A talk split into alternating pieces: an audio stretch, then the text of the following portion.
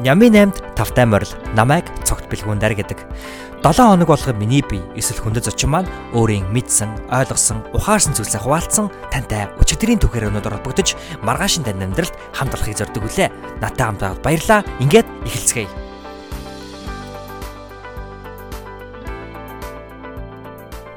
Сайн сайн сайн сайн сайн бацханаа сонсогчдоо энэ хүрээд сэхэтэн төслийн хүрээнд бэлтгэн хүрэгдэг Ямин 8 подкастын маань 49 дугаар дугаар хэлэхэд бэлэн болсон байна. Энэ дугаарыг сонсож байгаа таны өмнөөс би маш их баяртай. Ягаад гэвэл энэ удаагийн дугаар бол маш сайхан, маш гайхалтай, маш тийм давс хужирн таарсан, хөвгөлтэй бол хөвгөлтэй, дотн бол дотн ухаарлаг өгсөн бол ухаарлаг өгсөн тийм сайхан дугаар болсон байгаа. Энэхүү ухаарлаг өгсөн, энэхүү мэдрэмжүүдийг өгсөн давс хужрыг нь тааруулж надтай маш сайхан ярилцсан тэрхүү хүндэт зочин баа хинбэ гэхээр баясгалан өвгтэй номон эрдэн. Номон эрдэн бит хоёрын энэхүү ярианаас та маш их зүйлүүдийг сонсох болно. Бит хоёрын ярьсан сэдв бол маш өргөн хүрээнд гэж хэлж болно. А гэхдээ номин эрдэнэ маань нэгэн онцлогын зүйл онцлогтой зүйл нь юу гэх юм бол тэрээр манай подкастын маань маш удаан хугацааны одоо үнэнч сонсогч маань а сонсогч зүгээр сонсогч биш бид бүхний одоо скетэн төслийн хүрээнд те 55 номын хэлэлцүүлэг болон хүн ямин подкастыг сонсоод өөрийнхөө амьдралд хамгийн гол нь практикал буюу алхмуудыг авч амьдралдаа тодорхой маш шин зүйлүүдийг бий болгосон одоо тийм гайхалтай зочин байгаа. Тийм учраас энэ бол өөрөө манай төслийн, манай подкастын одоо зорилгыг бол биелүүлсэн. Өөрөөр хэлбэл номин бол бид бүхний хувьд ялалт, номин бол бид бүхний хожил. Ягаад гэвэл нэгэн жишээ дуртахад энэ подкастын хувьд бид нар ярьсан сэдв бол бясалгал байсан. Бясалгалыг номин маань энэхүү подкастыг сонсоод хийж эхэлсэн. Тэгэхээр бол а та энэ под манай энэ дугаарыг сонсоод хамгийн анх удаа сонсож байгаа бол магадгүй те. А энэ подкаст чи ийм зүйл ярьдаг юм байна. Ийм зүйл ярьсан учраас энэ хүн амьдралдаа ийм зүйлийг хэрэгжүүлээд ийм болсон юм байна гэд тийм одоо сайхан ирчүүч урам зоригийг аавна гэж би бол итгэж байна. За тэгээ номингийн энэ удаагийн ярьсан одоо сэдвийн хүрээнд те а одоо хоол дор хэлсэн байгаа. Номин бол өөрөө 6 сар цагаан олтон байсан. Өөрийнх нь амьдралд энэ ямар өөрчлөлтийг авчирсан байна? За мөн а хүн ер нь хүний ер нь яг юуны төлөө амьдрах яг яаж амьдрах нь ер нь амьдралын утга учир юм бол те. За тэгээд ууланд авирах буюу зоригдоо хүрэх талаар те. Оргил өдөө мацах талаар оргил өдөө матсан ч гэсэндээ эргээд ягаад буудаг талаар. За мөн үг болон бодлын хүч үг гэдэг өөрийг тань амьдруулж болдог үг гэдэг өөрийг тань өхүүлж болдог тухай те. Өдөр болгон өглөөс ирээд өөртөө амьдралд талархаж сэрэх түүний ач холбогдол мөн хамгийн гол нь яг яаж түүнийг амьдралдаа бий болох вэ тэр зуршлыг бий болох уу гэдэг нэг чухал сэдв. За тэгээд өөртөө амьдралдаа итгэх тэр итгэлийг хэрхэн олж авах уу гэх мэтчлэн сэдвийн талаар ярьсан байгаа. Маш олон сэдвүүдийн хамтаар хамтлаг, үнцэн, талархал, ухаарл гэдээ бүх гайхалтай сэдвийн талаар ярилцсан тийм нэгэн дугаар. А гэхдээ би эндээс бол маш нэг чухал зүйлийг бүр онцлохыг хүсэж байна. Юу гэхээр номин бол ирээдүйн зохиолч Тийм учраас зохиолч хүний хувьд бол юу хамгийн чухал ах вэ? Бичих. Тэгэхээр бол амьдралдаа бичих, тэмдэглэл хөтлөх гэдэг бол амьдралыг тань оронгоор нь өөрчлөх зүйл муу юм а гэж маш олон одоо high performance буюу өндөр төвшин, өндөр бүтээмжтэй хүмүүс бол амжилттай хүмүүс бол байнгын хилдэг. Тэг хаанаас эхлэх үү? Юу бичих үү? Яах вэ ийх үү гэдгээ мэдэхгүй байгаа хүмүүс бол энэ дугаарыг сонсоод за ингэж бичих ёстой байна. Ийм зүйлэл би бичих ёстой байна. Ингэж бичснээр бүр амьдралд маань ийм зүйл болох юм байна гэдээ бүр алсыг харна гэдэгт би бол итгэж байна. Тэгээ яг одоо цагта хэрхэн амьдрах уу те? Амьдралд хамгийн гол нь хэрхэн зөв хандлагатай байх уу гэх мэтчлэн олон сэдвүүдийн талаар ярилцсан энэ дугаарыг сонсоод та яг амьдралдаа гарч байгаа энэ хүү өөрчлөлтүүдэд хэрхэн баримтжуул, хэрхэн бичиж авах уу гэдгийг бол таян дугаараас бүр уран зориг аваад яах вэ аргагүй бичиж эхэлдэг болон гэдэгт би бол айхтар хэтгэлтэй байна. За тэгээд энэ удаагийн дугаар бол таны сэтгэлд хүрсэн тийм сайхан дугаар болсон гэдэгт би туйлын итгэлтэй байна. Тийм учраас хэдүүлээ энэ дугаар руу өөр нэгэн хүлээлтгүйгээр яг одоо вэ? Үсэрцгээе.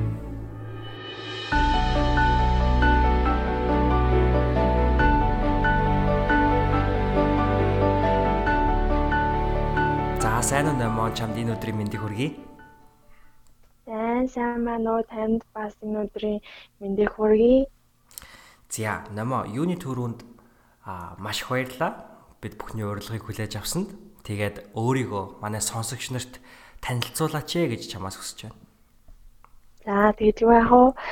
би ч бас маш их баяртай байна. Үндэ би энэ подкастын байнгын сонсогч нь хизээч ингэж оролцсон гэж төсөөлж байгаагүй.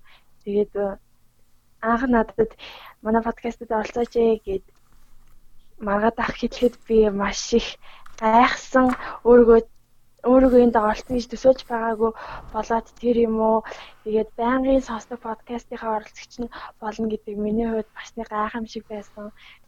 Би бас баярлах хэрэгтэй. Үнэхээр баярлаа. Миний хувьд намайг Нэмэрдэн гэдэг би 18 настай. Вьетнам улсын засгийн газрын тэтгэлгээр эхний жилдээ суралцаж эхний жилийнхаа хэлний бэлтгэлийн жилийг дуусгаад 17 хоногийн өмнө Монголда эргэж ирсэн. Тийм одоо Монголда амьдарч байгаа. Миний зорилго гэвэл би Америкт суралцахаар одоо төлөвлөөд тэгээд Америкт суралцах процесс одоо хийх үйл явцдаа ороод явж байгаа. Энэ 12 сард Америкт дах сургууль руугаа хүсэлтээ явуулна. Одоо яг ECT-д гоцлон төвлөрч бэлтгэж байна да. За. Ааха. За Намонгоос би нэг ийм асуулт асуумаар байна. Үндсэн 8 асуулт руу орохоос өмнө тэр нь юу гэхээр а номон хэр удаа манай подкастыг сонсож байгаа вэ? Ер нь бараг цагаар. Бараг эхлээс нь хойш байх шүү. Аа. Тий, нөгөө нэг Франц анан дах ба штэ. Франц анан дахын хоёр дахь хоёр дахь удаа орсон дугаараас нь эхлээд тогтмол сонсож эхэлсэн 7 хоног болгон гэсэн үг. Аа. За. Би би ерөөсөө надад ганцхан сонсдог подкаст байдаг, ганцхан үздэг нэвтрүүлэг байдаг. Бүх юмаа ганцхан байлгах дуртай хүн. Аа. Тэгээд миний ганц сонсдог подкаст бол Цэхэтэн Монгол подкаст. За ямар гоё. Аа маш таатай. За манай подкастыг одоо маш их дугаар болгон дээр ер нь бол хамгийн анх удаа шинээр сонсож байгаа хүмүүс бол маш их байдаг. Тийм учраас а ялангуяа сүүлийн үед бид бүхэн яг өнгөрсөн дугаар дээр ч гэсэн яг подкаст гэж яг юу вэ гэдэг сэдвийн талаар ярилцсан байсан. А тийм учраас би бас яг Монгоос асуухыг хүсэж байгаа зүйл нь юу гэхээр хамгийн анх удаа сонсож байгаа хүмүүст тийм ээ ер нь яг яагаад нэмэн подкастыг 55 номын хэлцүүлгийг ер нь дээ яагаад их подкаст сонсож эхэлэх эхэлсэн те. Ер нь яагаад энэ чамд таалагддгийг гэдэг хариултыг өгвөл. Энд ямар ч учир шалтгаан байхгүй. Би зүгээр л анхудаа сонирхоод нэг э, дугаарыг сонссон. Тэгэл би татагдсан. Зүгээр л энэ энэ энэ зүйл энэ зүйл хэрэгтэй мэдээлэлд хүнд өгж байгаад нь аа тэнд маш их тийм хэрэгтэй мэдээлэл байгаад байгаа. Хамгийн гол нь би цагаа э, яг сонсож эхэлсэн тэр өдрөөсөө эхлээд ерөөсөө л ганц ганц ч хормыг бараг хий дими өнгөрөөгөөгүй гэж хэлж болно. Ягаад гэвэл би үүнийг үнийг э, цаг үргэлж биш ч гэсэндээ ерөөсөө автобусанд явж байхдаа өглөөс хэрээд ер нь өөрийнхөө чөлөөт цагийг сонсож өнгөрөөдөг болсон. Аа. Би нэг нэг сонсон подкастаа нэлээд хэдэн удаа сонссон. Тэр бүрдээ нэг нэг шин шин санаануудыг гэх юм уу, шин ойлголтуудыг авдаг. Аа. Энэмгээрээ подкаст онцлог. За. Зүгээр л зүгээр л амьдралынхаа явцад тий одоо энгийн өдөр тутамдаа сонсоод явхад хялбар бөгөөд ашиг тустай тийм зүйл. Аа. Ягаад ягаад орчин үед подкаст хүчээ аваад байгаа вэ гэдэг шалтгаан нь өөрөө энэ. Аа. Хүмүүс бүгдээрээ их завгүй болчихсон. Бүгдээрээ цагаа үр дүнтэй өнгөрөөхийг хичээдэг. Энэ подкаст юу тийм тохиромжтой тохиромжтой хэрэгсэл юм болов? Аа. За тэгэлгүй яхаа маш их баярлаа. Аа за Вьетнамд байж байгаад нэг жил байж байгаад Монголд ирэх ямар байна? Энэ хоёр орны хоорондох ялгаа те ер нь бол гадаад яваад ирэхээр хүмүүс нүд нээгдсэн гэдэг чинь арай ямиг ондоогоор харж эхэлдэг. Чиний хувьд яг ямар одоо туршлагыг авч ийн Монголд ирээд? Маш том өөрчлөлт мэдэгдэж байгаа. Мууч байгаа, сайнч байгаа. Яг ирснээс хойш миний амьдралын хэв маягт их өөрчлөлтүүд орсон. Хөвчлүүдэд маань их өөрчлөлтүүд орсон. Зарим хөвчлүүдээ, зарим зуршлуудаа би алдаж эхэлсэн. Тэр бүгд нь надад ингээд бодоход хэцүү юм шиг санагддаг ч өөр талаас нь бодохоор энэ магадгүй өөрчлөлт нь өөрчлөлт нь өөрөө хөгжлийн хөгжлийн гол зүйл нээдэг. Хүнд өөрчлөлт шинжлэл гэдэг зүйл нь ерөөсөө л хүн хөгжихийг хүсч ивэл тэнд заавал шинжлэл явагдчихийдэг. Тэнд заавал өөрчлөлт явагдчихийдэг. Тэгээд бодохоор энэ магадгүй сайн зүйл гэж болно. Би үнэхээр өөрийнхөө зуршлуудыг шинжлэх хэрэгтэй болоод л миний өмнөх зуршлууд зарим зуршлууд маань алдсан байж болно шүү дээ. Тий. Жишээ нь гэвэл би Вьетнамд хахад би орой алгын 9 цагт гарч гүйдэг байсан. Энэ миний өдөр тутам хийдэг өдөр алган хийдэг зүйл байсан. Нөгөө нэг хүмүүс ингээд юм данддаг та. Зарим хүмүүс тамхинд архинд ч юм уу аль эсвэл дата тэгээд өөр зүйлсүүдэд данддаг. Гэхдээ хүн бүхний данддаг тийм хэлбэр маяг нь өөр юм шиг байгаа маа. Зарим хүмүүс сайн зүйлс данддаг, намайг шод данддаг гүйлт ч гэсэндээ яг тэр зүйлийг агуулдаг гүйлтэд донтдог. Би яг тэр гүйлтэд донтчихсан байсан. Тэгээд энд ирээд энд ирээд би нөгөө гүүгээ бэлдсэн байхгүй юу? Яагаад тэгэхээр аюу хүүтэн гарч гүйж чадахгүй. Тэгээд ирсэн чинь надад аюу хэцүү санагдаад эхэлсэн. Гэтэ би гүйлтийг өөр зүйлээр орлуулж байгаа. Энэ өнөөдрөөс туршиж үзсэн. За тэр нь юу вэ? Дугуй. Аа за спиннинг спиннингээр хичээл хийсэн.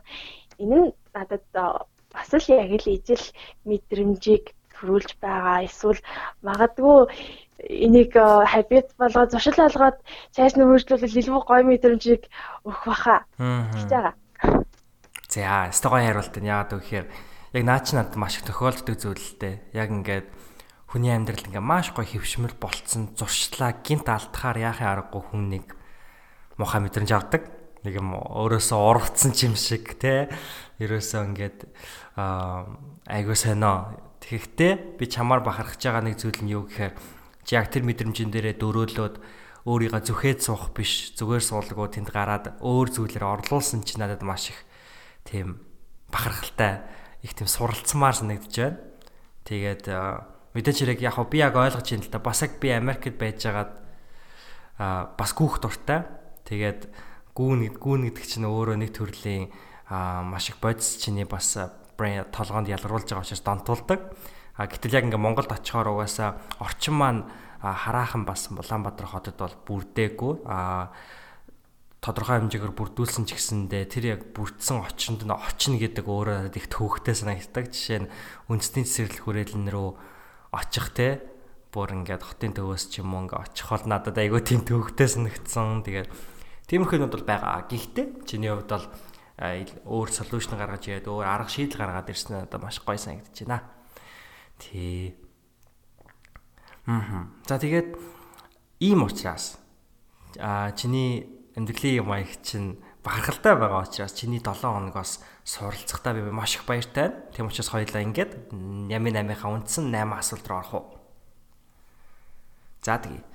За чи мэднэ нэгдүгээр асуулт бол энэ 7 хоногт юунд хамгийн ихээр талархаж байна вэ? Талархаж байгаа зүйл болон нэг ухаарлал юм байна. Аа. Э би өнгөрсөн 6 сарын хугацаанд цагаан хоолтон байсан. Аа за.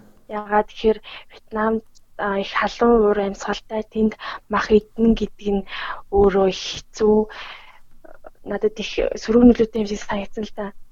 Тийм залхуурал их хүрэгдэг, залхуурдаг. Тэгээ дээрээс нь нүүрэн дээр их юм гардаг.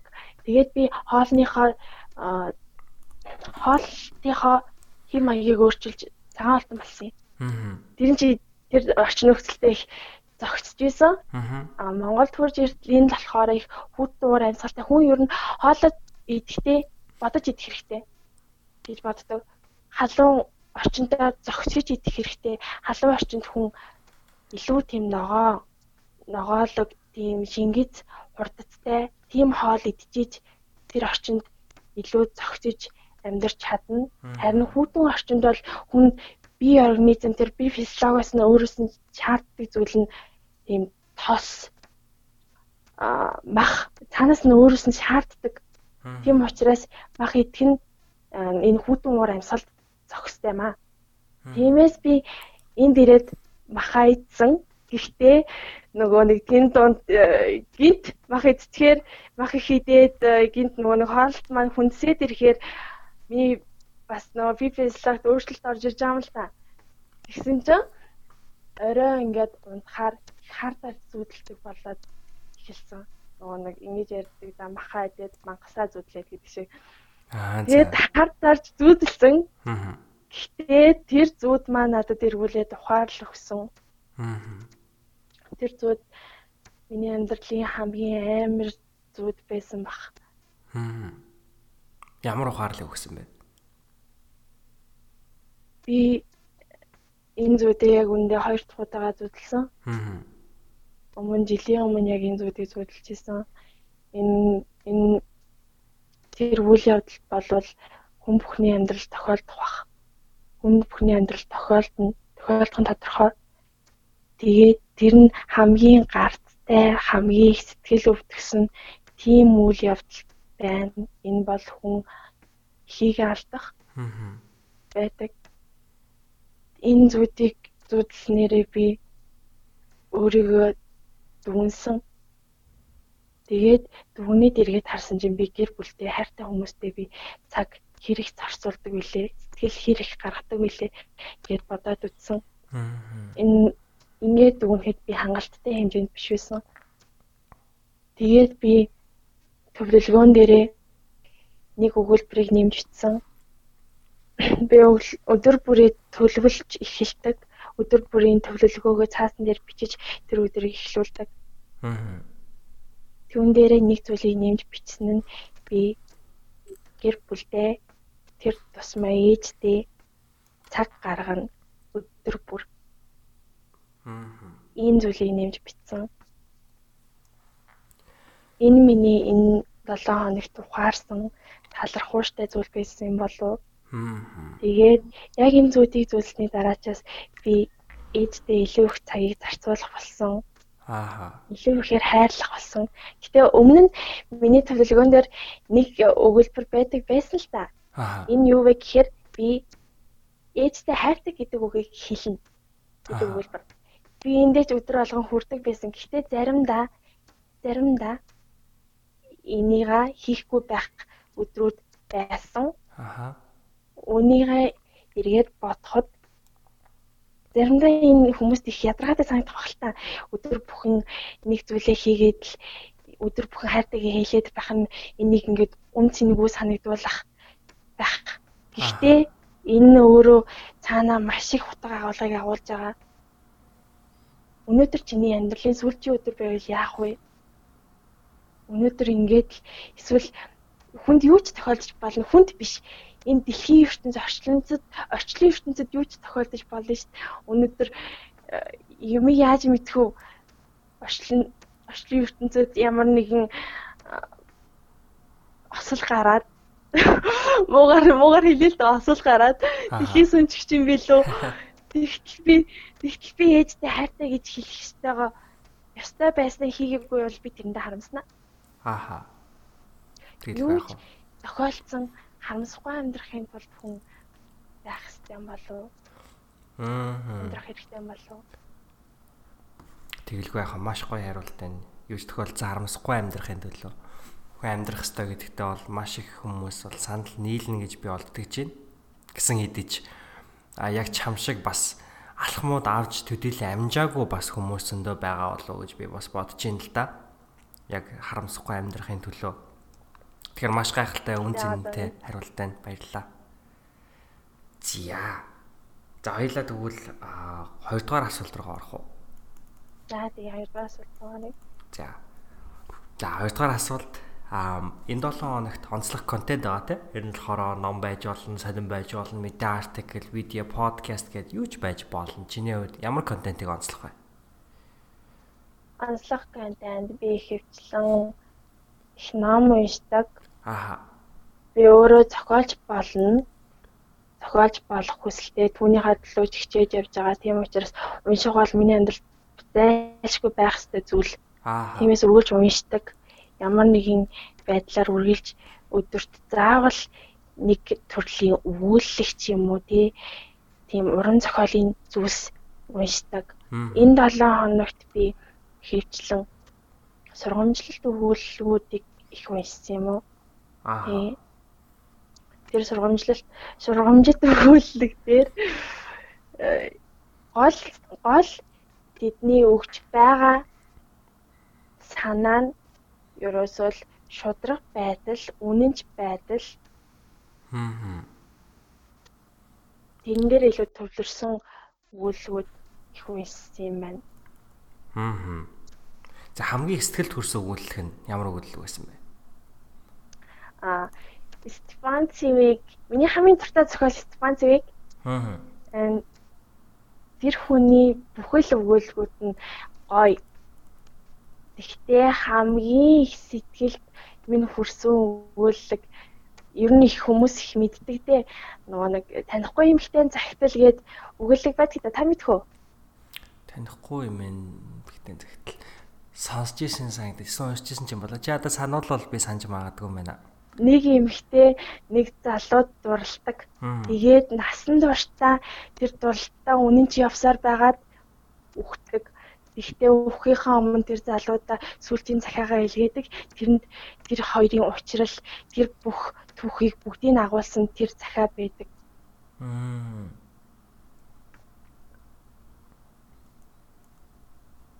За, магадгүй та мэдгүй бах. Гэтэ та э, энэ өгүүлгийг уншаад үзээрэй. Та уншвал харамсахгүй гэж хэлмээр байна.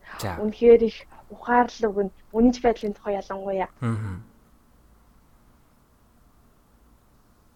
Тийм. Тэр бол миний хамгийн дуртай зохиолчийн хамгийн дуртай зохиол. За. Ааха. За өөр нэмж онцлох контент байгаа юу? Их олон их олон байна. Их олон ном сонин сэтгүүл ер нь их би унш их юм уншдаг. Би их нэг зүйлдээ төлөвлөрдөг гэж хэлсэн дээ. Нэг зүйл дээр. Гэхдээ өөрийнхөө унших тэр мэдих зүйл дээр болохоор их олон цар хүрийн их өргөн зүйлс сонирхолтой байдаг. Аа. Гэтэ ойрд бодоод байгаа зүйл нь тэр цар хүрээгээ арай богиносгох хэрэгтэй болов арай бага болгох хэрэгтэй болов гэж бас бодоод байгаа хит их мэдээлэл аваад байдаг. Гэтэ тэр маань мэдлэг яг болж байгаа юу үгүй юу гэдэг дээр бас эргэлзээд байгаа. Аа. Тиймээс энэ яг энэ зүйл дээр бас басах хэрэгтэй баг. Аа. Хэцэг хугацаанд гэхдээ. Аа. За наадах чи бас миний нилээн сүүлийн үед нэг сүүлийн 2 3 сар ч юм уу бодогдоол байгаа зүйл эсвэл тэрнээс удаан байж магадгүй. Яагаад гэвэл маш их мэдээлэл аваад ахаар аа ерөнхийдөө бол өөрийгөө тархийг нэг тийм хог новшоор дүүргээд байгаа санагдаад идэг. Тэгээд сүүлд Брэндон Буршарт гэдэг миний нэг хувийн хөгжлийн нэлээд одоо сонсдог, хийсэр ментор гэж хэлдэг хүн байдаг. Тэгээд тэр тэр үний подкастыг сонсож байхад нэг маш гой санаа гарч ирсэн л дээ. Тэр нь юу гэхээр маш амжилттай яваа хүмүүсээс ч юм уу чи хэрвээ очоод за таны одоо сургалтын хөтөлбөр чинь юу байна вэ гэж асуух юм бол ихэнх хүмүүс ер нь бол чамд сургалтын хөтөлбөр маань энэ байна гэдээ өгдөг юм л те. Тэр нь юу хэлж гинөө гэхээр тэр хүмүүс нэгт оюутан биш, сурагч биш те. А тэгсэн мөртлөө lifelong learner буюу амьдралын насан туршдаа суралцагч. Тэгэхээр зэрэг за би одоо бизнес хэрэгэлдэг бол энэ бизнесээ дараагийн шатанд ахиулахын тулд би эдгээр зүйлсүүдийг судалж таньж мэдэх ёстой. Энэ одоо ирэх 3 сарын хугацаанд ч гэдэг юм уу те. Ийм одоо curriculum буюу юм сургалтын хөтөлбөрийг амьдралдаа бол байнгын гаргачихсан байдаг юм л те. Тэгэхээр зэрэг надад энэ нь эргээгээд аа маш чухал зүйлээ санагдсан. Яагаад гэвэл яг чамтай адилхан би бол одоо маш их тийм юм унших дуртай ер нь бол байнгын бас уншиж идэг. А байнгын ном биш байсан ч гэсэндээ ер нь бол ингээл блог ч юм уу, артикл ч юм уу ер нь бол байнгын уншиж идэг. Тэгэхэр зэрэг гол нь тэр уншиж байгаа зүйлдээ цензуртай хандах маш чухал юм шиг. А дээрэс нь Брэндон Буршартын бас номон дээр нь гардагсан билүү подкастн дээр ярьж исэн билүү. Нэг юм санаа идэв. Тэр нь юу гэхээр а унших номны одоо чагсаалт буюу төлөвлөгөө гэж гаргах гэж байгаа.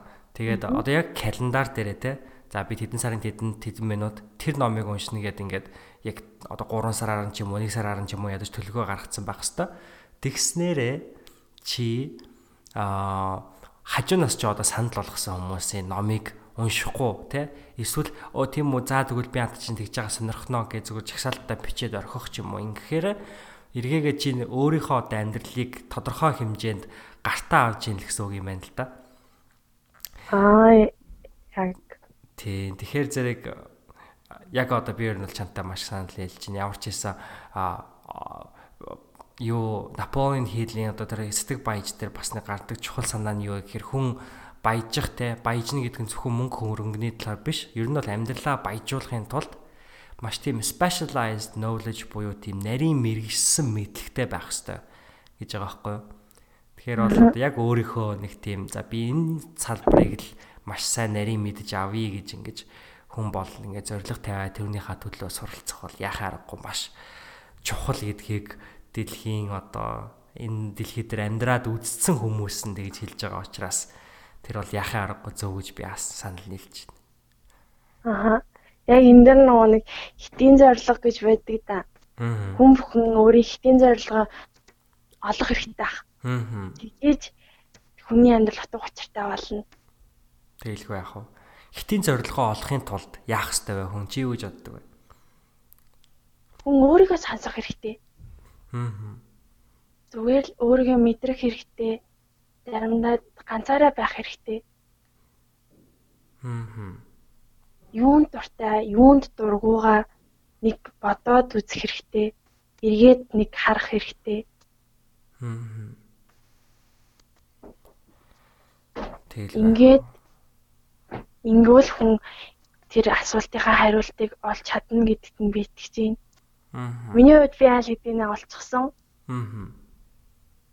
Миний амьдралын энэ насны минь зорилго би бусдад үн цэнийг түгэн би бусдад бусдын амьдралд багч болов тэм гигэн зүйлийг түгээхийг хүсэж байна. Энэ арга зам нь би номороо дамжуулж түгэнэ гэж боддог. Би үүнийг хийж бүтээхийн тулд би маш их маш их зүйлийг туулах хэрэгтэй гэдгийг мэднэ. Маш их зүйлийг суралцах хэрэгтэй гэдгийг мэднэ. Би одоо түүний хаал төлөө явж байна. За. Тэгээд өнөөдөр намны тухайд бас нөгөө нэг Монголын нэг ийм зүр цэцэг байдаг да. Сайн муугаар дүүрэн явхаар сайнаар саваад сайнаар дундуур яв гэж. Аа за. Энэ сайгүй өнөө өнөө гэж санагддээ ш. Яг яг энэ санаад яг таны санаатай зохицох. Харин тийм биш үү? Ааха. Сайн муу мэдээллээр дүүрэн явхаас сайн мэдээгээр дундуур яв гэж байгаа юм шүү. Ноо яг биш. Тэ. Ааха. За би хоёрдугаар асуулт хоёулаагаас контент ярьсан чинь аа би номонгоос ингэж сумаар юм л да. Блогоо үргэлжлүүлж бичиж байгаа юу? Би нэг зүйл дээр төвлөрөхөөрөө яг л тэр зүйлээ хийдэг тийм үзлэгтэй хүн юм бэлээ. Тэрийг ойр их ухаарад байгаа. Гэхдээ тэр нь тэрийг би өөрчилж чадахгүй би нэг зүйлд их онцдог. Альва зүйлийг хийгээд эхэлчихээрээ тэрнээсээ гарч чаддгүй тийм. Миний одоогийн зорилго бол би сургуультай тэнцэх хэрэгтэй. Аа. Би ECT-д өндөр оноо авах хэрэгтэй. Аа. Би яг үүн дээрээ төвлөрч ажиллаж байгаа. Аа. Нэг зүйл хүрчээр хүн дараачийнхаа зүйл дараачийнхаа зорилготой гисгэж болно. Э, Блогийн тухайд би мэдээ чи өдөр алган бичдэг. Би өдөр алган бичгүүгээр байж чаддгүй. Би энэ бүр яг миний зуршил ахгүй юу? Би өглөө басаал хамгийн түрүүнд бясалгадаг. Дараа нь өдрийн тэмдэглэлээ бичдэг. За. Тэгэхээр би өдөр болгон бичдэг гэсэн үг. Аа.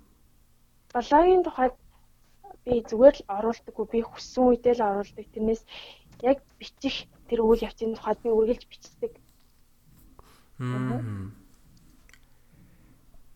За, блог бичдэг, өдөр болгон бичдэг энэ нөрөө чамд одоо нэг төрлийн шаардлагатай тий яг номин гэдэг хуу хүний хувьд шаардлагатай зүйл гэж би ойлгож байна. Тэгэхээр дараагийн асуулт угаасаа ийм асуулт байдаг те. Энэ 7 хоногт үйлдэлсэн хамгийн сэтгэлийн таашаал кайф авсан зүйл юу вэ гэдэг асуулт. Тийм учраас чиний хувьд тэр юу вэ? Бичих байв уу? Эсвэл ондоо зүйл үү?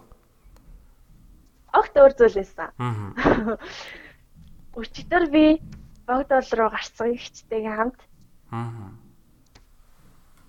Тэр ууланд авиралт болвол зүгээр л гайхамшиг. Яг ууланд тэрний дараа би нэг юм бас ухаарсан. Гарах нь яг амьдралтаа эзлэх юм байна. Зорилготой эзлэх юм байна. Яг гарч явах явцдаа ухаарсан юм байна. Хүн ингээд уул руу авирдаг тийм ээ. Тэр яг л хүн зорилголтойгоо явж байгаа зам нь уулны оргилд гардаг. Тэр нь яг зорилготой хүрсэн тэр үеийн. Түүнээс эргээ буудаг. Дараа нь өөр нэг уул руу авирдаг. Дараа нь дараачийнхаа зорилго руу шилждэг. Тэгэхэд надад маш гоё санагдсан зүйл нь би яг оргил дээр нь гараад жинхэнэ амар амгалан мэдэрсэн хоёр өдрийн өмнө засарсан гэд хэлсэн дээ. Аха. Тэгээд а тэр багт бол айгүй гоё болсон байсан байхгүй юу? Ерөөсөл моднууд нь ингээл цаав цагаан модны навчны ширхэг болгон дээр засны ширхгүү тогтоод тэр нь ингээ хөлтцөн тэр нь ингээ тэрнээсийг ингээ зүгээр л харахад маш үзэгсэлэнтэй.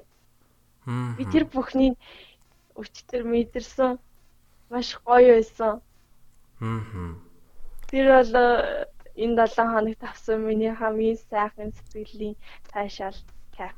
Аа. Зөө зөө. Улаанбаатар хот бол дэлхийн маш олон нийслэлүүдтэй харьцуулахад яг хотынхоо дэргэд бас те одоо тийм өндөрлөг цэгтэй хайкинг буюу ууланд авирах тэр боломжийг олгосон нь байдаг нь ер нь бол их онцлогтой тийм учраас бол Монгол залуучууд маань Улаанбаатарчууд маань бас яг энэгаа бас нэлээд ашиглах нь их зүйтэй болов гэж би нэг боддгийн. Тэгээд тийм учраас бас залуучуудаа хоёлаас уулан давираараа гэж уриалъя те. Тэгээ уулан давирах дээр надад чиний яг саний тэр уулан давир өөдөө өгсдөг эргээд буудаг гэдэг нэг санааг төрүүлсэн юу гэхээр Эверестэд хүмүүс авирахын тулд заавал нэг дээшээгээ одоо юу гэх тодорхой хэмжээг туулчаад буцаж буудаг Тэгээд маргааш өглөө нь дахиж дээшээгээ маргааш хэдэн хоног ч юм уу дахиж дээшээгээ өгсөөд аа яг нэг зорилго төрчөө буцаад ингээд бейс рүүгээ буюу камп руугаа ингээд буудаг гэж байгаа. Тэгээ яагаад вэ гэхээр хүн одоо шууд нэг явалтаар Эверестийн оргил дээр ч юм уу өндөр уулын Килиманжарогийн оргил дээр ч юм уу гарчих юм бол тухайн одоо уулныхаа нөгөө дээрээ даралтыг даахгүй хүн одоо юу яадаг гэнэлтэй нэг төрлийн тэгэл тэр чинь амнаасаа эрсдэлд оруулж байгаа тийм Тэгэхээр хүн амьдралаа маш том зориг тавиад яг чиний одоо хэлж байгаа санаатай одоо дүүцэлж ярихад юу гэхээр хүн хэрэг маш том зориг тавиад тэр зориг руугаа ямар нэгэн бэлтгэлгүйгээр өгсөөл явбал бас эргээгээд тэр нь бас чамд гай болдог юм болов. Тийм учраас яг чиний хэлж байгаатай адилхан нэг оргилдээ гарчаад буцаж буугаад өөрийгөө бие бэлдээ те. Оргил дээр гарч ийн гэдэг чинь тодорхой хэмжээгээр бие дасгаж ийн гэсэн. Тэгэхээр шууд одоо эцсийнхаа зорилгот хүрэх биш. Наан байгаа тэр зорилгуудаа маш тайвнаар, ааж явахнаар буцаад бууж байгаа ч гэсэндээ би илүү том зорилгын төлөө бууж байгаа шүү гэдгээ сануулж бас бууж явах хэвээр болоо гэдэг энэ нэг зүйлийг би яг тэр ууланд Эверест гарахын тулд ингэж гарддаг юм байна гэдгийг сонсчоод тэгэж сууж исэн. Тэгээ түүнийг маа надад бас санагдуулсан чамд маш их баярлаа гэж хэлмээр байна. Ямар гайхалтай зүйл надад илчвэ. Би ерөөсөө өмнө сонсож байгаагүй юм байна. Ерөөсөд гарахад бас тийм утга учир байна. Харин тий. Би бас анх сонсчоод гайх сонин штэ тий ингээд нэг юм руу гарчаад буцаж буугаал те. Айгу хайрын чим шиг санагдаад тэгэл дахиж гараал арай ондоо жоохон илүү гарчаад буцаж буугаал гэл. Ер нь бол өөрийнхөө өөрсдийнхөө одоо тэр уушиг юу гэдгийг би мэрэгжлийн уул мол навирдаг хүн биш учраас мэдэхгүй гэтээ орж исэн аа Тэгэл өөрийгөө ер нь бол тодорхой хэмжээгээр тэр даралтанд нь дасгахын тулд бол тех шаардлагатай байдаг гэсэн. Аха. За гоё өмнө сонсож байгаагүй мэдээлэл байна. Аа. Бодохгүй мэдлэг болно гэдэгт мань гэдэгтээ итгэж байна. Аа. Баярлаа. Тэлгүй яах вэ? Шин зүйл сонсгосон. Аа. За номингийн хувьд бол нэлээд бас дадал зуршлаар ер нь бол өөрийгөө за хүн болгон л дадал зуршилтай. Ер нь бол тий. Гол нь хүн болгон тэрийг зарим нь анзаардаггүй. Жишээ нь одоо юу гэдгийг өглөөс ирээд залхуу өрөөл бөөдөн дээрээ сугаал энэ гэдэг бол өглөө болгон тэгдэг бол тэр бас л зуршил шүү дээ. Тэгэхээр бол хүн болгон зуршилтай. А гэхдээ номингийн хувьд бол маш тийм сайн зуршлууд их олон юм шанаа санагдлаа. Тэгэхээр манай дараагийн асуулт маань болохоор энэ 7 хоногийн онцлог дадал зуршил тэг рутин юу байсан бэ гэдэг асуулт байгаа. Аа энэ 7 хоногт би нэг шин зүйлийг туршиж үзсэн. Аа. Энэ нь болохоор амьд байгаадаа баярлах. Аа. Өглөөс ирээд өглөөс ирээд ерөөсөө л өөртөө хэлэх амьд байгаадаа баярлаа гэж хэлэх. Аа. Энэ айгүй энэ айгүй үр дүнтэй юм бэлээ. Ингээд сонсоход ингээд сонсож байгаа ч гэсэндээ заримдаа тийм сонсогч гэж магадгүй л дээ. Гэхдээ энэ нь маш тийм утга учиртай зүйл юм бэлээ. Тэр өдрийг тэр өдрийг амьд байгаадаа баярлаж эхлүүлснээрээ тэр өдрийг үнэхээр гайхалтай болгож чаддаг. Аа. Өдрөөс өдөрт өдрөөс өдөрт тэр өдрийг хамгийн гайхалтай нь байлгахыг тэр өдрийг хамгийн онцгой байлгахыг гэдэг зорилгыг тэр тэр талархал маань надад өөрт маань өгдөг. Өдөр болгон би тийм зорилготойгоор босдгоо гэсэн үг. Аа. Ингэснээрээ эргүүлээд хүн одоо байгаагаа мэдэрч эхэлдэг. Одоо байгаадаа талархаж эхэлдэг. Одоотой амьдарч эхэлдэг.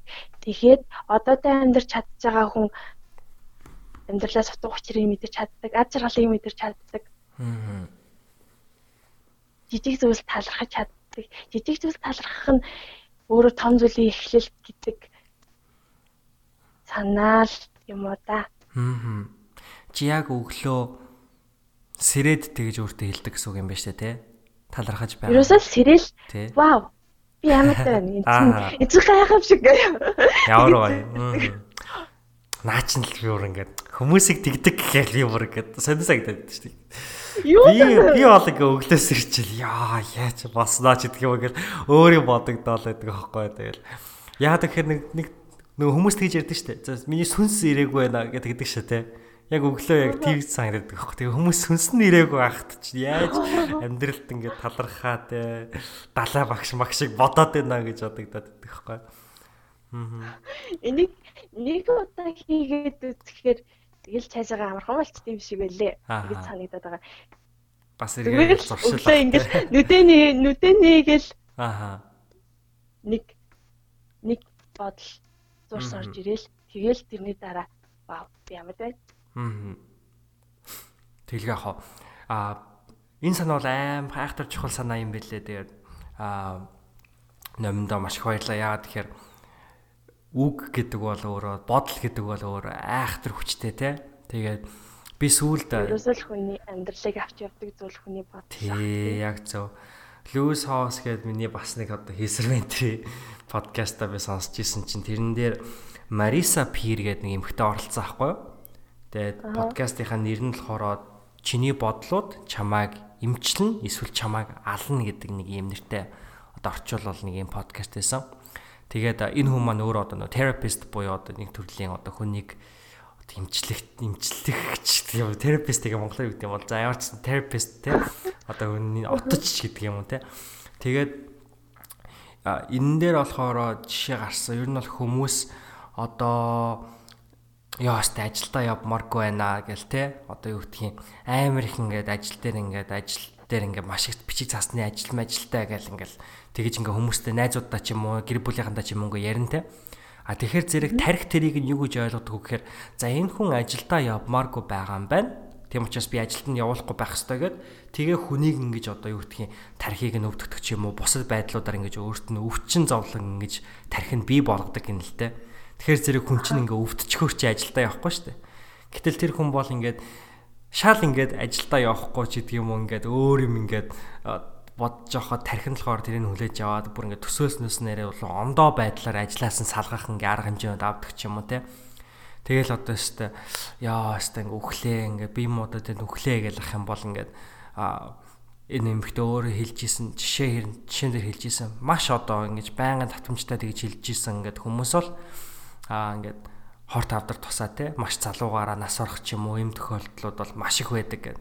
Тэгээ өөрийнхөө бүр ингээ хувийн одоо туршлага дээр үндэслээд ярьж байгаа байхгүй. Тэгэхээр түүнтэй адилхан ингээд хамгийн анх ингээд хүн ингээд нүдэндээ ингээд линз хийхээр ч юм уу те айгу хэцүү байдаг гэж байгаа байхгүй. Тэгээ би яг энэ нөгөө надад тохиолдсон зөвлөгөөр ярьж байгаа байхгүй амар хэцүү би баг тэнцээ ингээд нэг а 10 20 минут ч баг зогссноо яасан мэдэг. Сүү би болохоор байнга линз хэрэгэлдэггүй л дээ. Гэтэ сүүлд ингээд би яг линз хийхдээ ингээд таймер тавьж байгаа үзсаахгүй гэсэн чи яг нэг нүдэндээ минут нөгөө нүдэндээ нэг 3 минут за нэг нийлээд нэг 4 минут минут гараа 3 минут гараа яваад нэг 4 минут 5 минут болж байгаа. Тэгэхээр ингээ яхаа арай хүн ингээ тасчдаг яг тэрнтэй адилхан хүн ингээд хамгийн анх ингээ өөртөө одоо жишээ номгийн ud өглөөс ирээд амьдралд ингээ талархаж ин гэдэг чинь нэг төрлийн өөртөө би энэ амьд дэлхий дээр одоо одоо юу гэдгийг би амьдрах эрхтэй би хувтай гэдгээ чи өөртөө хэлж гин гэсэн үг шүү дээ тий. Гэтэл магадгүй маш их зүгээр их аз юм аз завшаа юм гэдгийг би өөртөө сануулдаг. Магадгүй би өнөөдөр энэ байхгүй ч байж байх байсан боломж тийм бол боломж байх биш бэж магадгүй ш. Нөгөө нэгдүүдээ хүн энэ орчлонд хувь тавилангаараа хурж ирэхэд ерөөсөө зүүнний үзүүрээр будаад ахтахтай ээжлэх юм гэдэг шиг. Энэ чинь маш их хувь тавилан, маш их тийм надад олцсон боломж гэдгээ би сануулдаг. Өглөө болгон гэсэн үг. Тий амьдрал хүн бол тэр нэг чинь суглаанд хожгоос хэцүү гэж байгаа шүү дээ. Тэгээ суглаанд хожих чи ямар хэцүү илээ гэдэг. Тий. Та суулан тавьжаад яг азгүйдчихсэн юм аа та гэдэгхгүй юу? Окей, гай. Тэгээд яг хоо эргээд нөгөө саний яриалгаа ороход бас тэгж өөртөө амьд байгаадаа талархаж чинь гэдэг чинь те би энэ дэлхий дээр амьдрах хувтай хүн гэдгээ ингээ өөртөө сануулж ийн гэдэг. Гэтэл маш олон хүмүүс магадгүй өдөр болгон өөрийгөө ингээд шүүмжилсээр байгаа те. Йоо, өстө нэрээ бэлгүүнэ чи ямар тэнийг юм бэ гэл ингээл Тэгээд ахаар чин зэрэг цаас би ерөөсөө ингээ амьдрах ёсгүй байна гэдэг одоо тарих бодцдаг ч юм уу. Яагаад тэгэхээр тарих ерөөсөө онгоо гэж мэдэхгүй те тарих ерөөсө тоглоом хийж гэнэ гэж мэдэхгүй бүх юмыг литерал буюу яг шууд байдлаар нь хүлээж авдаг гэж байгаа. Тэгэхээр зэрэг бол бид нар өнөөдөр бол өөрсдийнхөө тархинд дотоод бодол үг хэл амаа маш дүгнэн цэгнэх ёстой гэдгийг бас их сануулсан тийм хариулт юм болов уу гэж би номингийн хариултыг бодлоо. Мм баярлаа. Аа ч гэсэндээ их гоё зүйлтэй зөөрлөж Аа. За өөр бид бүхэнд онцлохыг хүсэж байгаа dig рутин байгаа юу? Гол рутин маань тэр л байна да. Энэ энэ 7 хоногт шинээр би болгосон рутин маань бол амьд заагаазаа талархах. За. Чи бясалгал дурдсан шүү дээ, тэ. Тэм учраас би бас асуухыг хүсэж байна л да. Бясалгал хийдэг гэдэг. Яг ямар бясалгал хийдэг вэ?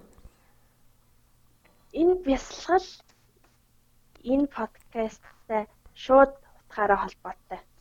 За. Энэ подкастыг сонсч эхлснээс хойш би бясалгаж эхэлсэн. За. Тийм учраас би энэ подкастыг яагаад ингэж их сонсдог, яагаад ингэж их талархдаг шалтгаан нь гэсэн энтэй холбоотой. Аа. Таны нэг подкаст нэр та бясалгалын талаар ярьсан. Би тэрийг сонсоод тэнд та дөрвөн үе шатлалаар ерөнхийдөө бясалгалнаа гэд хэлсэн энэ талархал дээр үндэслэн эхлээд зүрхтгдээ талархна. Хоёрт өөр бусад зүйлс ерөнхийдөө гурван зүйл талархна. Гуравт хэрв чамд ямар нэгэн өвчин шаналл байгаа бол түүнийг эдгэж байгаагаар төсөөлж мэдэрнэ те. Дөрөвт мэдэрнэ. Дөрөвт ирээдүйн талаар, зорилгынхоо талаар бүтээхийг хүсэж байгаа зүйлийнхаа талаар бүтсэн байгаа мэтэр төсөөлж мэдрэх. Яг л яг л энэ үе шатлалын дагуу өглөө болгон цэврээд үний үн үе шатлалын дагуу би бясалгаж суудаг. Энэ надад тэр өдрийг давхад тэр өдрийг утга учиртай байлгахад бас нэгэн нөлөөлдөг. Гол хүчин зүйл бүр гол нь. Аа ямар гоё бэ. Танд маш баярлалаа. Маш баярлалаа. Ингэж хүмүүст хэрэгтэй мэдээлэл түгээж хүмүүсийн амьдралд тусалж энэ та тусалж байгаа аахгүй юу? Энэ мэдээллийг хүмүүс түгээснээрээ хүмүүс энийг над жишээ нь би байна. Би энийг амьдралдаа хэрэгжүүлснээрээ би эндээс маш их амар амгалан, амар тайван мэдэрч мэдэрдэг өдөр алхан. Үнэхээр их баярлалаа. Үнэхээр их талархаж байна. Энэ зүйлийг эхлүүлсэнд чинь одоо хүртэл маш тууштайгаар авч явж байгаад чинь энэ болол үнэхээр бишрэмээр зүйл баярлалаа. За баярлалаа. За надад баярлах амар хэцүү яагаад тэгэхээр одоо яг чамтай адилхан энэ зочд энэ подкаст орж байгаа зочд бол илүү чухал гэж би боддог. Тэгээд зочид маань илүү чухал тийм учраас би чамд маш их баярлж байна. За тэгээ хамгийн гол нь сонсогч гэдэг өнцгөөс нь бас чамд болон бүх сонсогч нартай маш их баярлж байна. Тэгээд чиний надад яг энэ туршлагаа хуваалцсанд нь би их баярлж байна л та. Ягаад тэгэхээр би эндээс тийм сайхан ялсан мэдрэмж авч байна. Ялалтын мэдрэмж авч байна. Ягаад тэгэхээр яг эцсийн зорилго бол Ями 8 ер нь манай подкастын 58-гийн зорилго юу гэхээр бид бүхний зорилго юу гэхээр хамгийн гол нь бидний подкастыг сонсохгүй байвал яг үнэндээ бид нар бас баярлж магадгүй. Яагаад вэ гэхээр өнөөдөр намын манай подкастыг сонсоод аа за ер нь энэ подкаст нэг ийм юм ярьд юм байна. Ийм юм зүйлүүдийг хийгээрээ гэдэг ингээд байгаа юм байна. Энийг нь хийх гэдэг ингээд чи түүнийгаа хийгээд маш завгүй байгаад бүр ингээд подкастыг бодох сөхөөгөө байж байгаа те.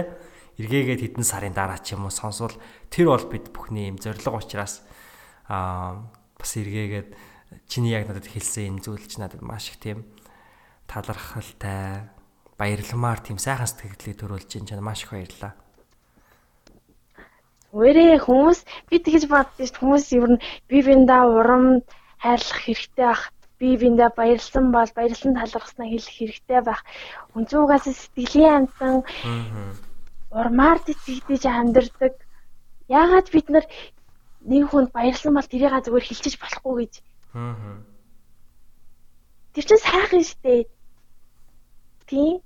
Тэгэлгүй яах вэ? Ууцыг нь урмыг нь хугалахаар ууцыг нь хугал гэдэг шүү дээ. Аа, яг.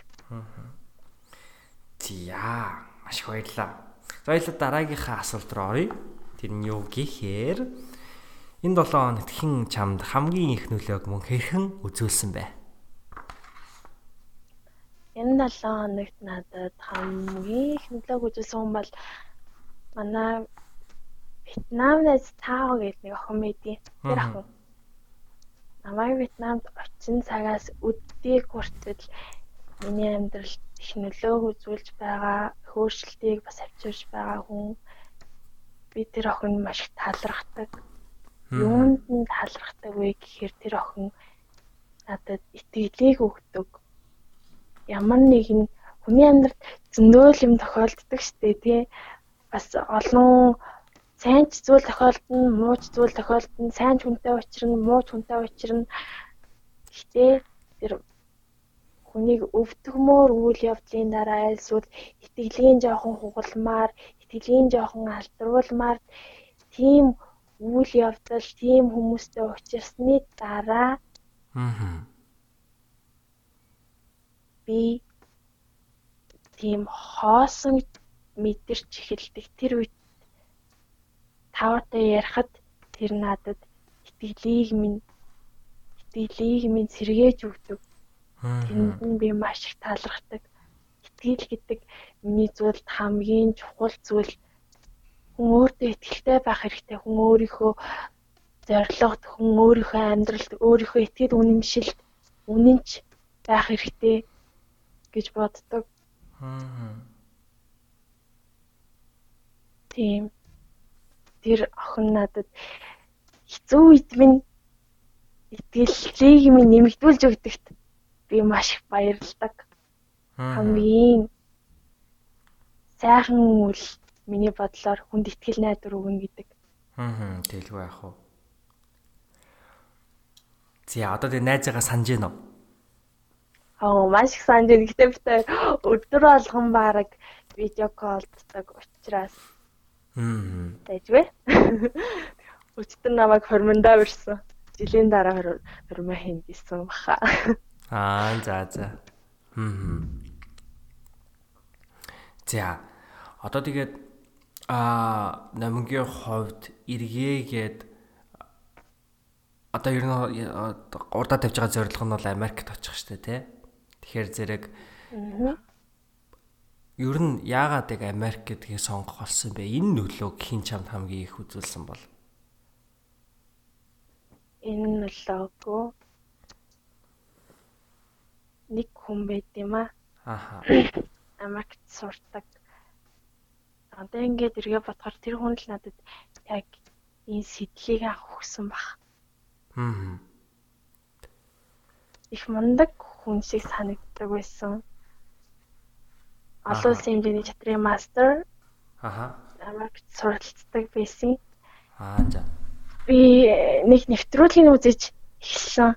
Америкт суралцдаг оюутнуудын талаар нэвтрүүлэг бэлддэг. Алтан дорнод Монгол компаниас санхүүжүүлдэг тийм нэг бие Монгол оюутан гэдэг нэвтрүүлэг байсан юм аа. Аа за. Тэр нэвтрүүлгийг би анх үзсэн. Ааха. Тэр хүний дугаарыг үзсэн.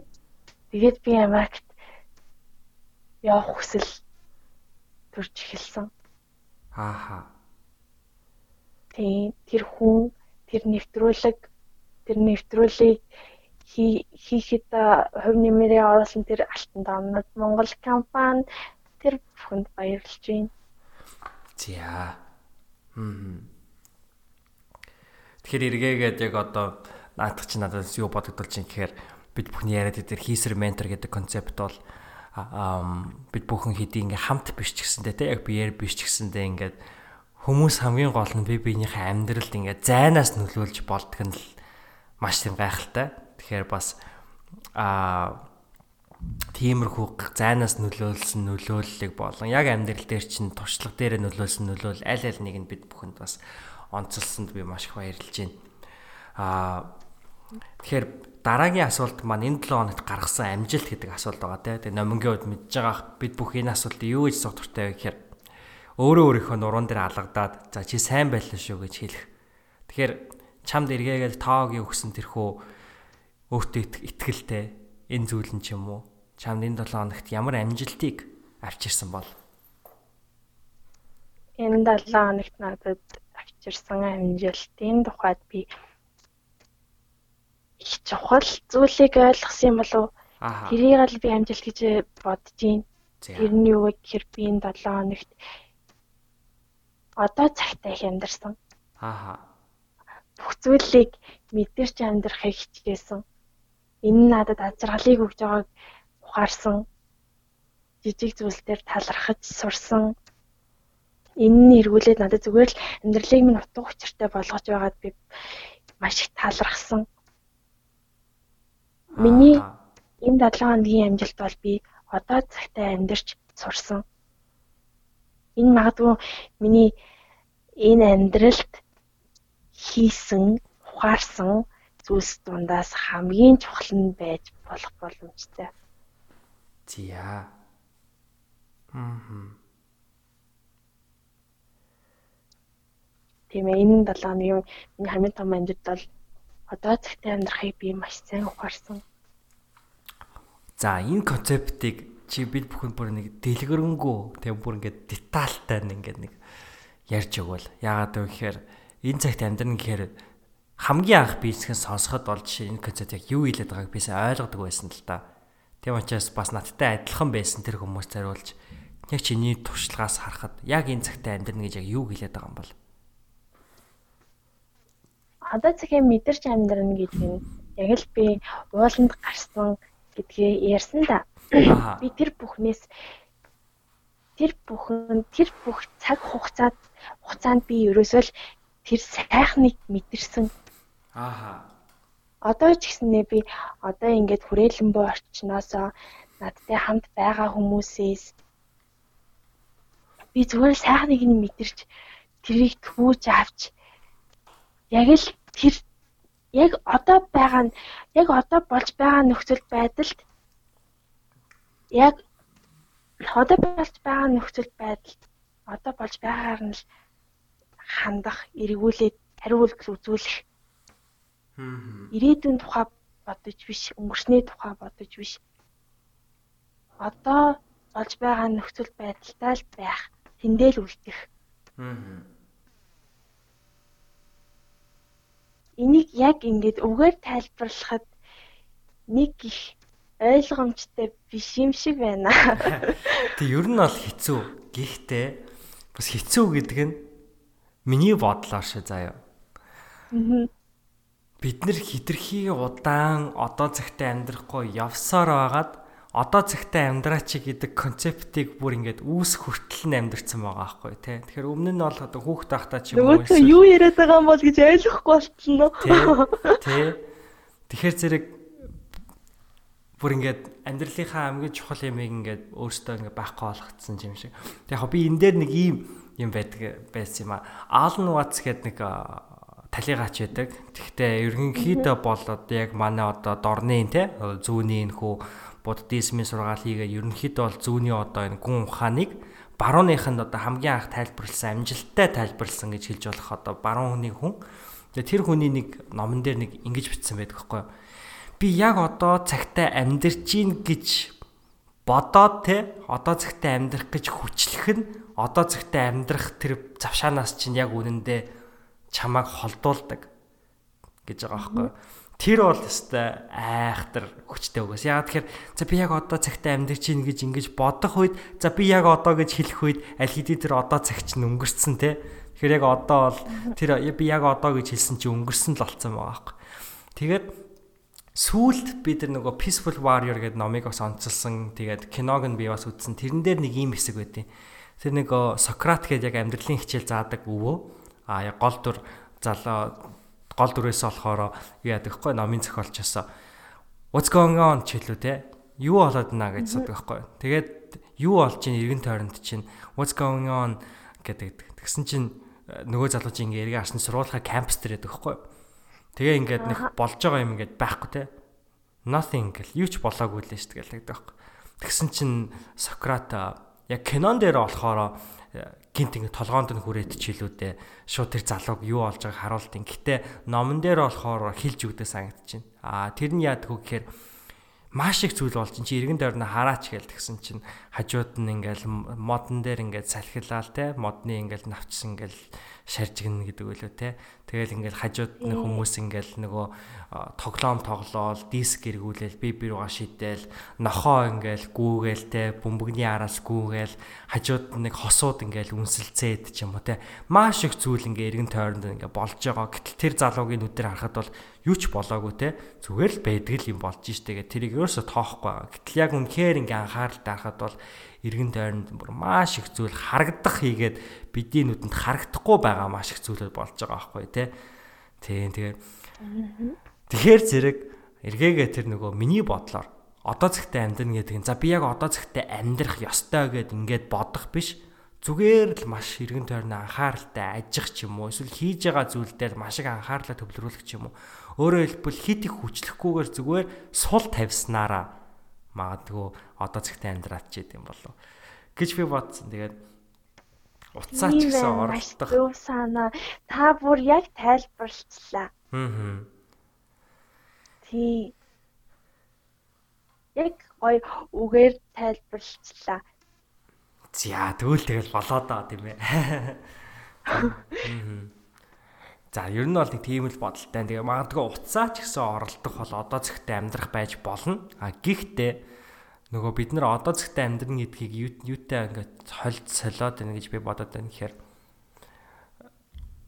яг өөрөө нөгөө амьдралаас таашаал авж байгаа эргээгээд чиний амьдрал цаанаас байгаа хэрэгтэй тий алсад хэрэгтэй зүйлийг одоо хийхэд яг одоо зэгтээ хийгээсэ гэдгийг яг энэ концептээр дамжуулж ойлгуулах байгаа юм бол гэж би боддог. Тэгэхээр яг жоохон хол солиод ингээд мушгаад яатсан концепт.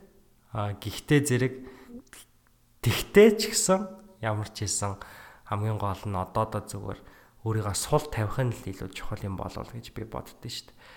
Тий. Зя. Хм. Миний сурсан сургамж бол тэр байлаа. 7 дахь асуулт нь угаасаа тийм асуулт байдаг те. Би чамаас суу тэр нь юу гэхээр энэ 7 хоног тэгвэл сурсан сургамж ойлгосон ухаарлал нь юу байсан бэ? Энэ 7 хоногт би өөрөөсөө суралцах хэрэгтэй байна гэдгийг ухаарсан. Аа. Тэр нь юу гэсэн үг вэ? Хүмүүс хүмүүс хин нэгнээс хин мэдээж гаднаас тий дотроосоо биш гаднаас их суралцдаг. Аа. Мэдээлэл мэдээлэл авч тэрнээсээ хүн суралцдаг. Хин нэгнээс суралцдаг. Гэхдээ хүн өөрөө өөрөөсөө суралцсан гэдэг үйл бас байдаг. Түүнийг ойшоохгүй үлдээж болохгүй. Хүн ер нь амьдралынх нь тэр явцад хамгийн том суралцах зүйл нь өөрийгөө л таних мэдэх юм болов уу гэж бодоод байгаа. Аа. Яаж би өөрөөсөө суралцдаг вэ гэхээр би бичсэн зүйлээ эргүүлж уншиж тэгж суралцдаг. Ялангуяа би өдрийн тэмдэглэлээ эргүүлж унших тийм зуршилтай гэх юм уу. Тэнд олон өдрүүдийн тэмдэглэл байдаг. Би өдрийн нэглээ ганц өдөр алгасаж байгаагүй. Аа. Тэнд зарим өдөр би их ухаалаг байсан байдаг. Ухаалаг өдрийн ухаалаг бодлын ухаалаг бичээс тэнд би зарим өдөр нь их муухаг байсан байдаг. Муухаг өдрийн муухаг бодлын тэр муухаг бичээс нь тэр үлдсэн байдаг. Заримдаа их нөгөө нэг овооргон юу гэлээ тийм нэг өөрийгөө ихээр сансан тийм бодолтой өдрүүч байдаг. Өөргөө эсвэл их даагуур үнэлсэн өдрүүч байдаг. Тэр бүхний бичээс миний өдгийн тэмдэглэл бичигдэж үлдсэн байдаг. Тэр нь би өөрөө баггүй юу? Би уурал хараа тийм ээ. Овргон бодохоор эвэргэн авраган биш шүү. Эвэргэн бодохоор яаж боддөг юм бэ? Ерөөсөө л тэнд би тэр чигтээ байдаг. Би өөрөө өөрөөсөө суралцдаг. Энийгээ би өөрөөсөө суралцах гэж хэлээд байгаа. Энэ нь их чухал юм байна гэдгийг хүн би ойлгоод байгаа. Тэгэлгүй яах вэ? Аа, би яг одоо юу бодогдож байна гэхээр яг би яг ингэж айгүйх боддог л доо. Хүмүүс яагаад ингэж амьдралдаа яг уулзах хэвээр үнтэйгээ уулзах хэвээр цагтаа учирч ярилцах хэвээр үнтэйгээ ярилцах хэвээр цагтаа ярилцдаг юм бол гэж. Тэгээ би яг ингэ чамтай өнөөдөр ярилцж явах ч гэсэндээ миний яг дотроос гарахыг хүсэж исэн тэр зүйлүүдийг чи яриад байна. Тэгэхээр зэрэг бас хоёр би яг номинтой ингээд үнэхээр ярилцах хэвээр үедээ ярилцсан юм байна гэж бодож байна. Яагаад тэгэхээр яг чиний саяны хэлсэн тэр санаа бол бас л яг миний сүүлийн үед бас их бодож байгаа зүйл те. Тэгээ би хоёр дугаарын өмнөх төр ч гэсэн нэг иймэрхүү юм ярьсан. Тэгээд яг эргээгээ сая нөгөө Peaceful Warrior буюу тэр 50 баатар гэдэг номон дээр бас яг наад чи гардаг байхгүй юу? Тэр гол дүрийнхэн залуу зохиолч маань өөрөө тэр Сократаас ингээ айгүйх асуугаар асуулт суугаад идэг. Тэгээд чи өөрөөсөө суралц чиний дотор хариулт нь байгаа өөрийгөө өөрөөсөө наад асуултаа хариултаа ир гэж юу Сократ хэлдэг байхгүй юу? Тэгээ би бүр номингийн ингээд сая дээр ингээд тэмдэглэл биччихээр хардаг нь ааха яг наад чинь салсан Чингис хаан гэж л да. Сократ гэж хэлсэн. Тэр нь яг үндэ тэр хүнд юу гэж бодогдсон бол гэхээр ямар ойлгомжгүй зэл Сократ надад хэлээд байгаа юм болоо ууралтай. Бодохоор тэгж хэлсэн байна. Тий. Манай залуудыг айгаа ууралдаг хөхгүй юу? Юу яриад байгаа юм гэ тэ. Тэгээд а Сократ болохоор чи хогоо гаргаж хай гэдэг тэгээд Тэгээ яагаад тэр нь юу хэлээд юм гэхээр бол бид нар нөгөө одоо яг төрөний чиний хэлсэнтэй нөгөө сайн муугаар дүүрцэн. Тэгэхээр зэрэг нөгөө нэг муу хогоо гаргаж хай. Эхлээд надад хоосл Тэгээ хостелж иж чиний өөр дотор чинь байгаа сайн зүйлүүдээ гаргаж ирнэ гэдэг санаа юм бол. Гэтэ би бүр чиний тэр тэмдэглээ бичиж авчаад эргээгээ тэргэж ингээ бүр сүхэж хардаг. Тэр бол бүр үнэхээр гайхалтай.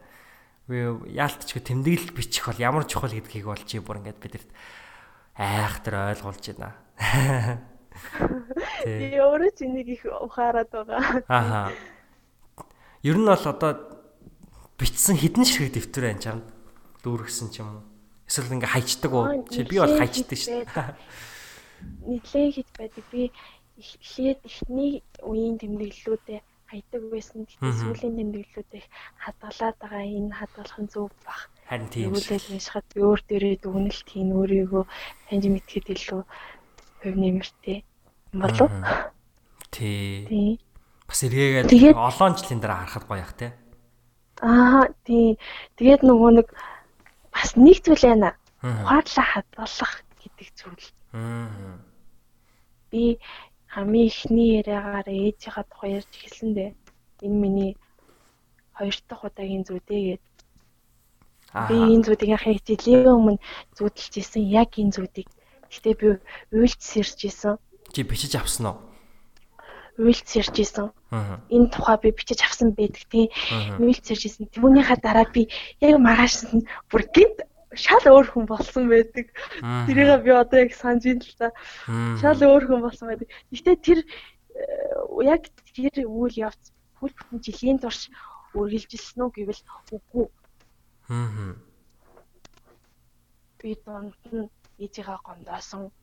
Аа урмын угалсан тийм өдрүүд байсан. Аа.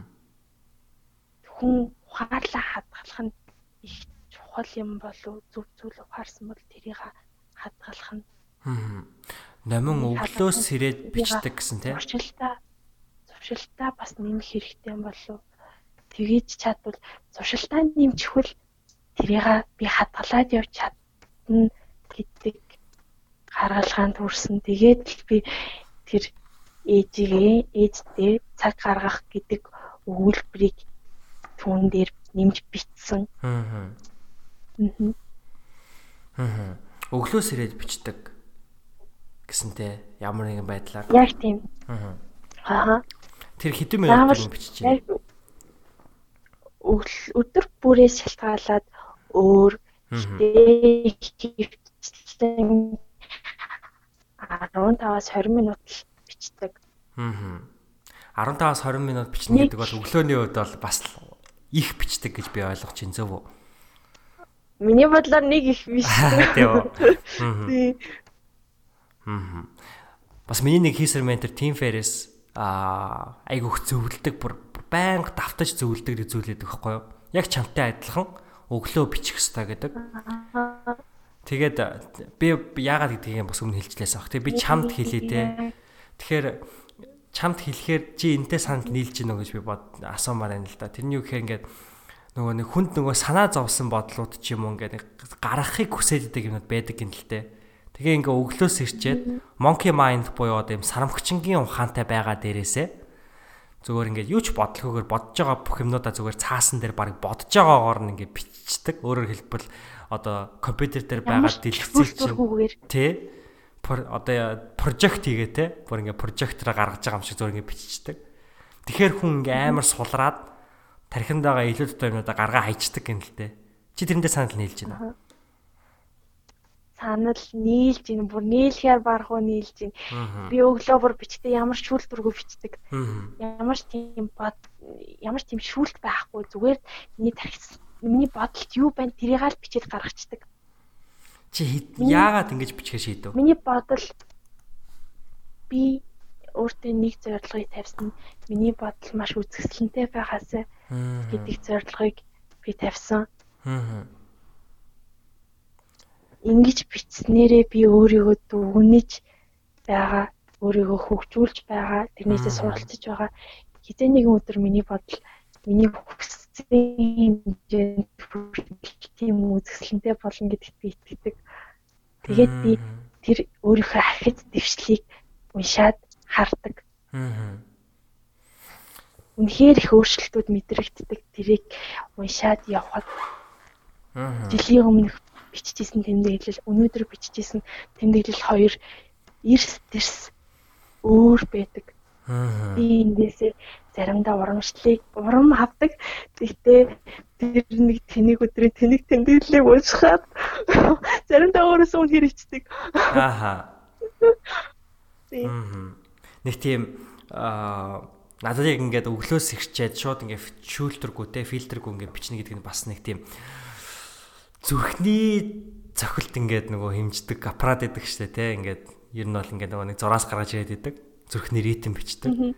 Тэрнтэй ч төстэй юм шиг те. Нэг өдөр одоо ингээ айгу тайван байна уу? Нөгөө өдөр нь ингээд амар ингээд хүчтэй зөглөөд байна уу гэдэг юм уу те. Эргээгээд яг чам шиг ингээ ингээ харахад нэг тийм чам нэг тийм дүр зураг харуулах юм шиг те яг энэ хугацаанд чи нэг ингэж зүрх чинь зохилсон байна гэдэг шиг чи нэг ингэж амьдрсан байна гэдгийг чи ингэ харуулах юм шиг.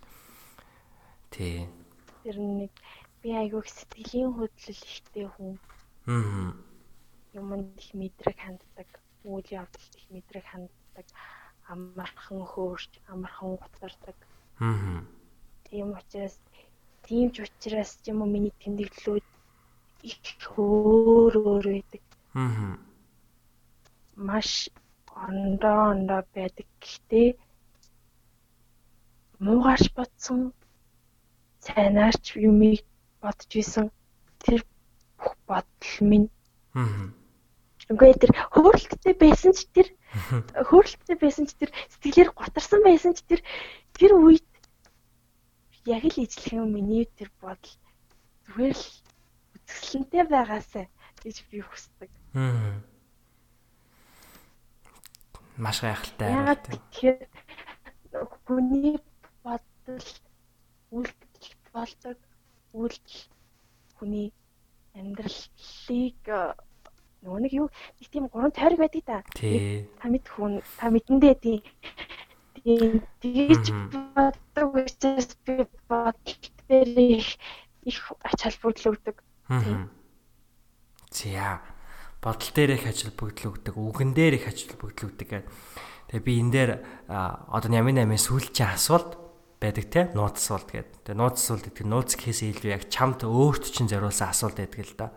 Би тэгээд номинд дараах асуултыг асуухыг хүсэж байна. Тэр нь юу гэхээр номинд над руу бараг 7 хоног болгон подкастаа сонссны дараа сэтгэлдээ бичиж үлдээж исэн ийм өдрүүд 7 хоногуд байсан те.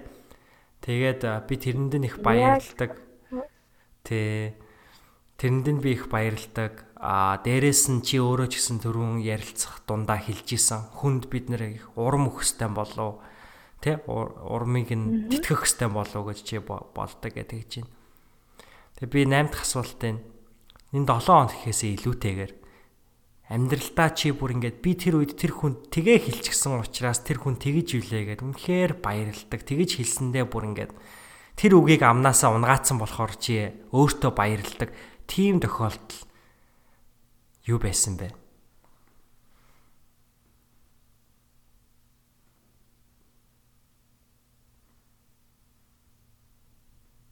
Ста санаанд орж ирэх юм хадлага. Аа.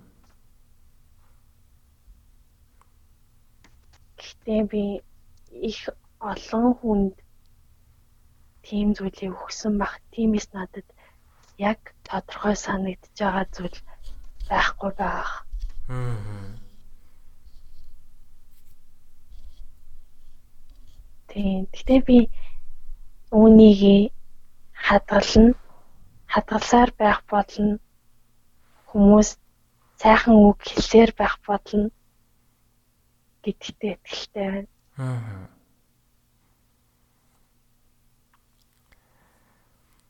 чамд ч бас эргээгээд маш олон хүмүүс сайхан үг хэлнэ гэдэгт би итгэлтэй байна.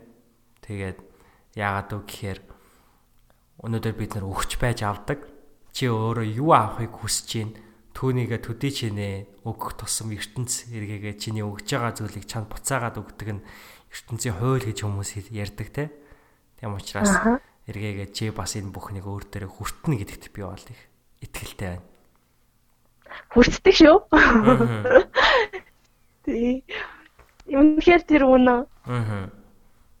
Өг дараа нав. Гэтэ миний амьдралын туйлын зорилго маань би танд хэлсэн шүү дээ тий. Хүмүүст үн цэнийг үн цэнийг түгээх. Аа. Тийм. За. За тэгвэл хоёлаа энэ хүргээд Яминан подкастынхаа энэ дугаарыг өндөрлүүлэе гэж бодож байна. Би тэгээд номингийн хувьд амьдралынхаа хамгийн чухал зүйл бол үн цэн бусад өгөх учраас би нэвтрүүлгийнхаа энэ сүүлчийн хідэн хормыг чамд үлдээгээд манай сонсогч нарт болон аль эсвэл магадгүй эргээгээд чиний амьдралд үн цэн нэмэх юм уу тэр зүйлийг манай сонсогч нарт хэлээсэ гэж хүсэж байна да. Тэгээ бидний урилгыг хүлээж авсанд маш их баярлалаа. Баярлалаа. Надад урилга өгсөн ч маш их баярлж байна. Ингээд би зүйлийг их чухал гэж бас боддог. Энэ болохоор хандлага. Энэ баг хүний хувь тавилантай холбоотой асуудал. Альва зүйлийг альва зүйлийг ямарваа нэг зүйлийг хүн сайн талаас нь хараасай. Аа.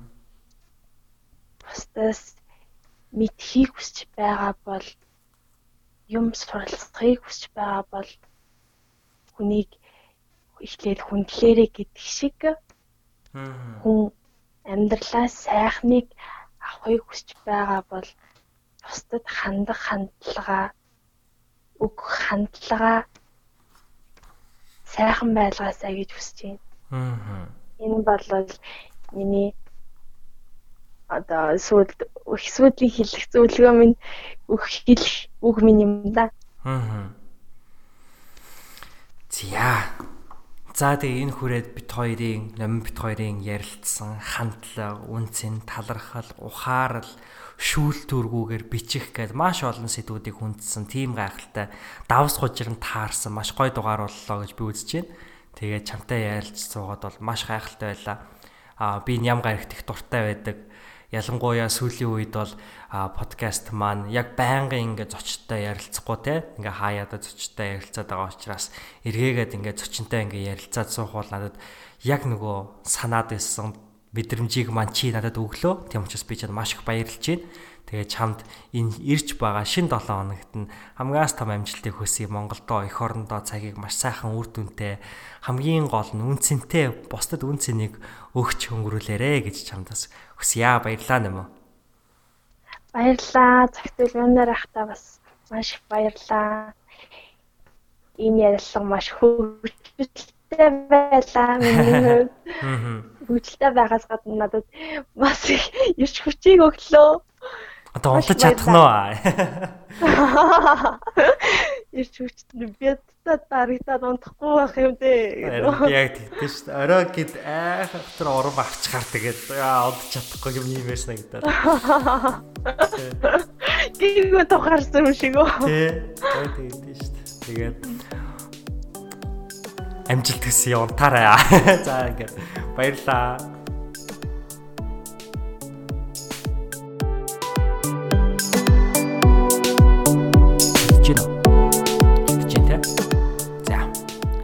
Энэхүрээд Нямин 8 подкастын маань 49 дахь дугаар өндөрлөж байна. Танд номинтой ярилцсан энэхүү дугаар маш их таалагдсан гэдэгт би туйлын их итгэлтэй байна.